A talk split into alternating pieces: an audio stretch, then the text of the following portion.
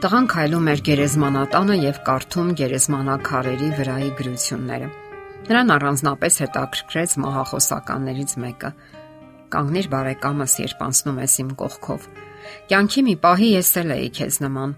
սակայն դու շուտով կդառնաս այնպիսին, ինչպիսին ես եմ, եւ այդ պատճառով պատրաստվիր հետևել ինձ։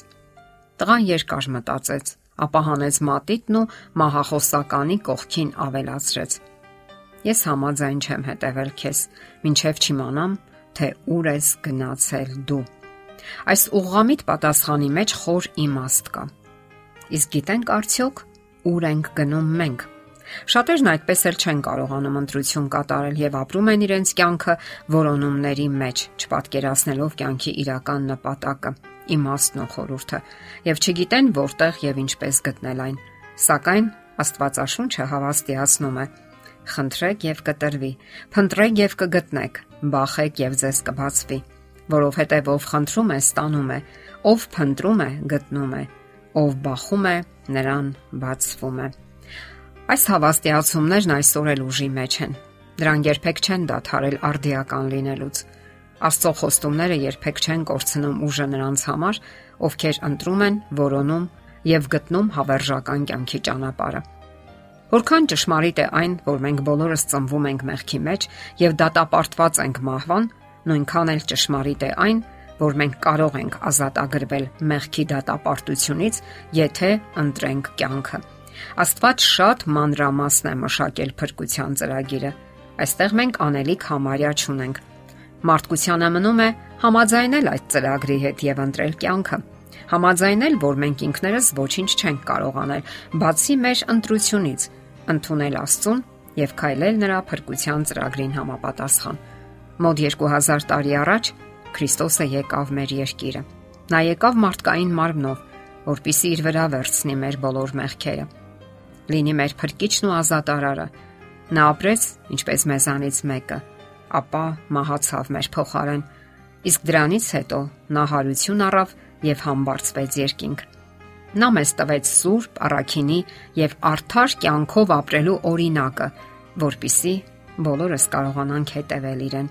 Հետևենք այս մեղավոր աշխարհում, որը դատապարտված է վերջնական կործանման մեր բոլորի մեղքերի պատճառով։ Սակայն նրանք, ովքեր ընդունում են Քրիստոսի առաջարկած հավերժական կյանքը, փրկություն ունեն։ Հավիտենական հայր Աստվածը չխնայեց իր որդուն, ով իր վրա վերցրեց այս աշխարհի մեղքը Լինելով անմեղ ու արդար, Հիսուսն իր մարդկային ուսերի վրա վերցրեց մեր մեղքերը եւ մեզ ազատ ագրեց մեղքի իշխանությունից ու սատանայի գերությունից։ Եվ չկա մեկ այլ ուժ կամ իշխանություն, որ կարողանա մեզ ազատ ագրել մեղքի իշխանությունից եւ հավերժական կյանք ապարգևել։ Այսօր մենք ընտրում ենք ուղին։ Ընտրում ենք կամ հավերժական կյանք Աստծո հետ կամ մեղք եւ ոչնչացում հավերժ։ Ընտրությունը մենք կատարում ենք հիմա, երբ կատարվել են շատ աստվածաշնչյան մարգարեություններ եւ շատ մոտ է Հիսուս Քրիստոսի երկրորդ գալուստը։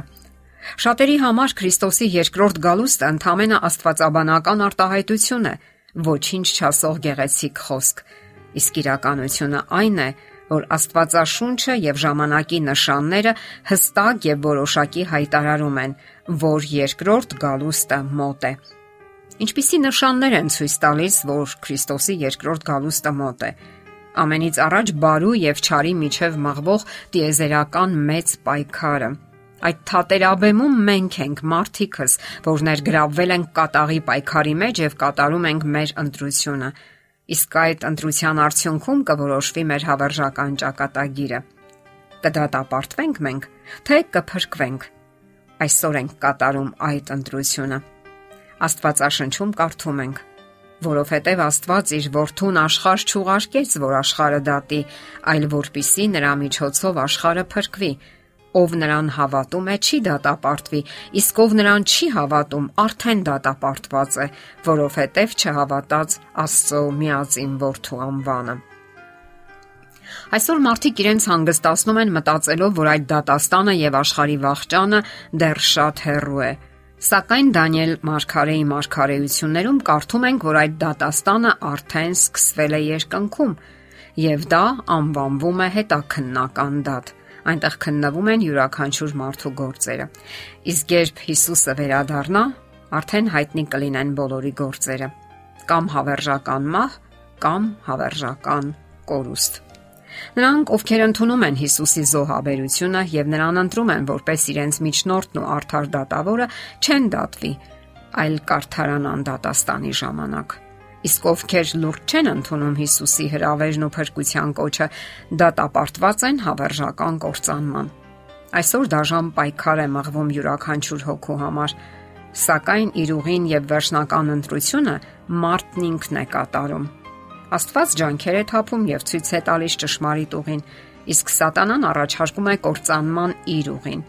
Նա չի առաջարկում, նույնիսկ պարտադրում է եւ ամեն հնարավորն անում, որ մարդուն շեղի ճշմարիտ ուղուց։ Եվ մեզ չի օգնի ոչ մի բան, բացի մեր անձնական ընտրությունից, իսկ այդ ընտրության ժամանակը հիմա է, այսօր։ Այսօր ենք մենք ուսումնասիրում Աստծո խոսքը եւ որոշում լինել նրա աշակերտները թե ոչ։ Այսօր ենք մենք կառուցում մեր ուղին եւ հնազանդվում Քրիստոսի խոսքին։ Արթարը նա չէ, ով լոկ ուրախանում է արդարությամբ, այլ նա է, ով հենց ինքն է արդարություն գործում։ Քրիստոսի խոսքերի կատարման մեջ է մեր փրկությունը։ Կատարել ոչ թե Աստծո բարեհաճությունը վաստակելու համար, այլ որովհետև ստացել ենք նրա սիրո չվաստակած ապարքևը։ Մեր փրկությունը կախված է ոչ միայն դավանումից, այլ հավատից, որը դրսևորվում է գործերում։ Դե ի՞նչ։ Դուք գիտեք թե ուր եք գնում ուր են տանում ձեր ընտրած ճանապարհները, որոշումներն ու քայլերը։ Ժամանակը չի սпасում։ Այսօր է ճիշտ որոշում կայացնելու ամենաճիշտ ժամանակը։ Վաղը միգուցե ուշ լինի, կամ էլ վաղը կարող է նույնիսկ չգալ։ Եթերում ղողանջ հավարժության հաղորդաշարներ։ Հարցերի եւ առաջարկությունների համար զանգահարել 033 87 87 87 հեռախոսահամարով։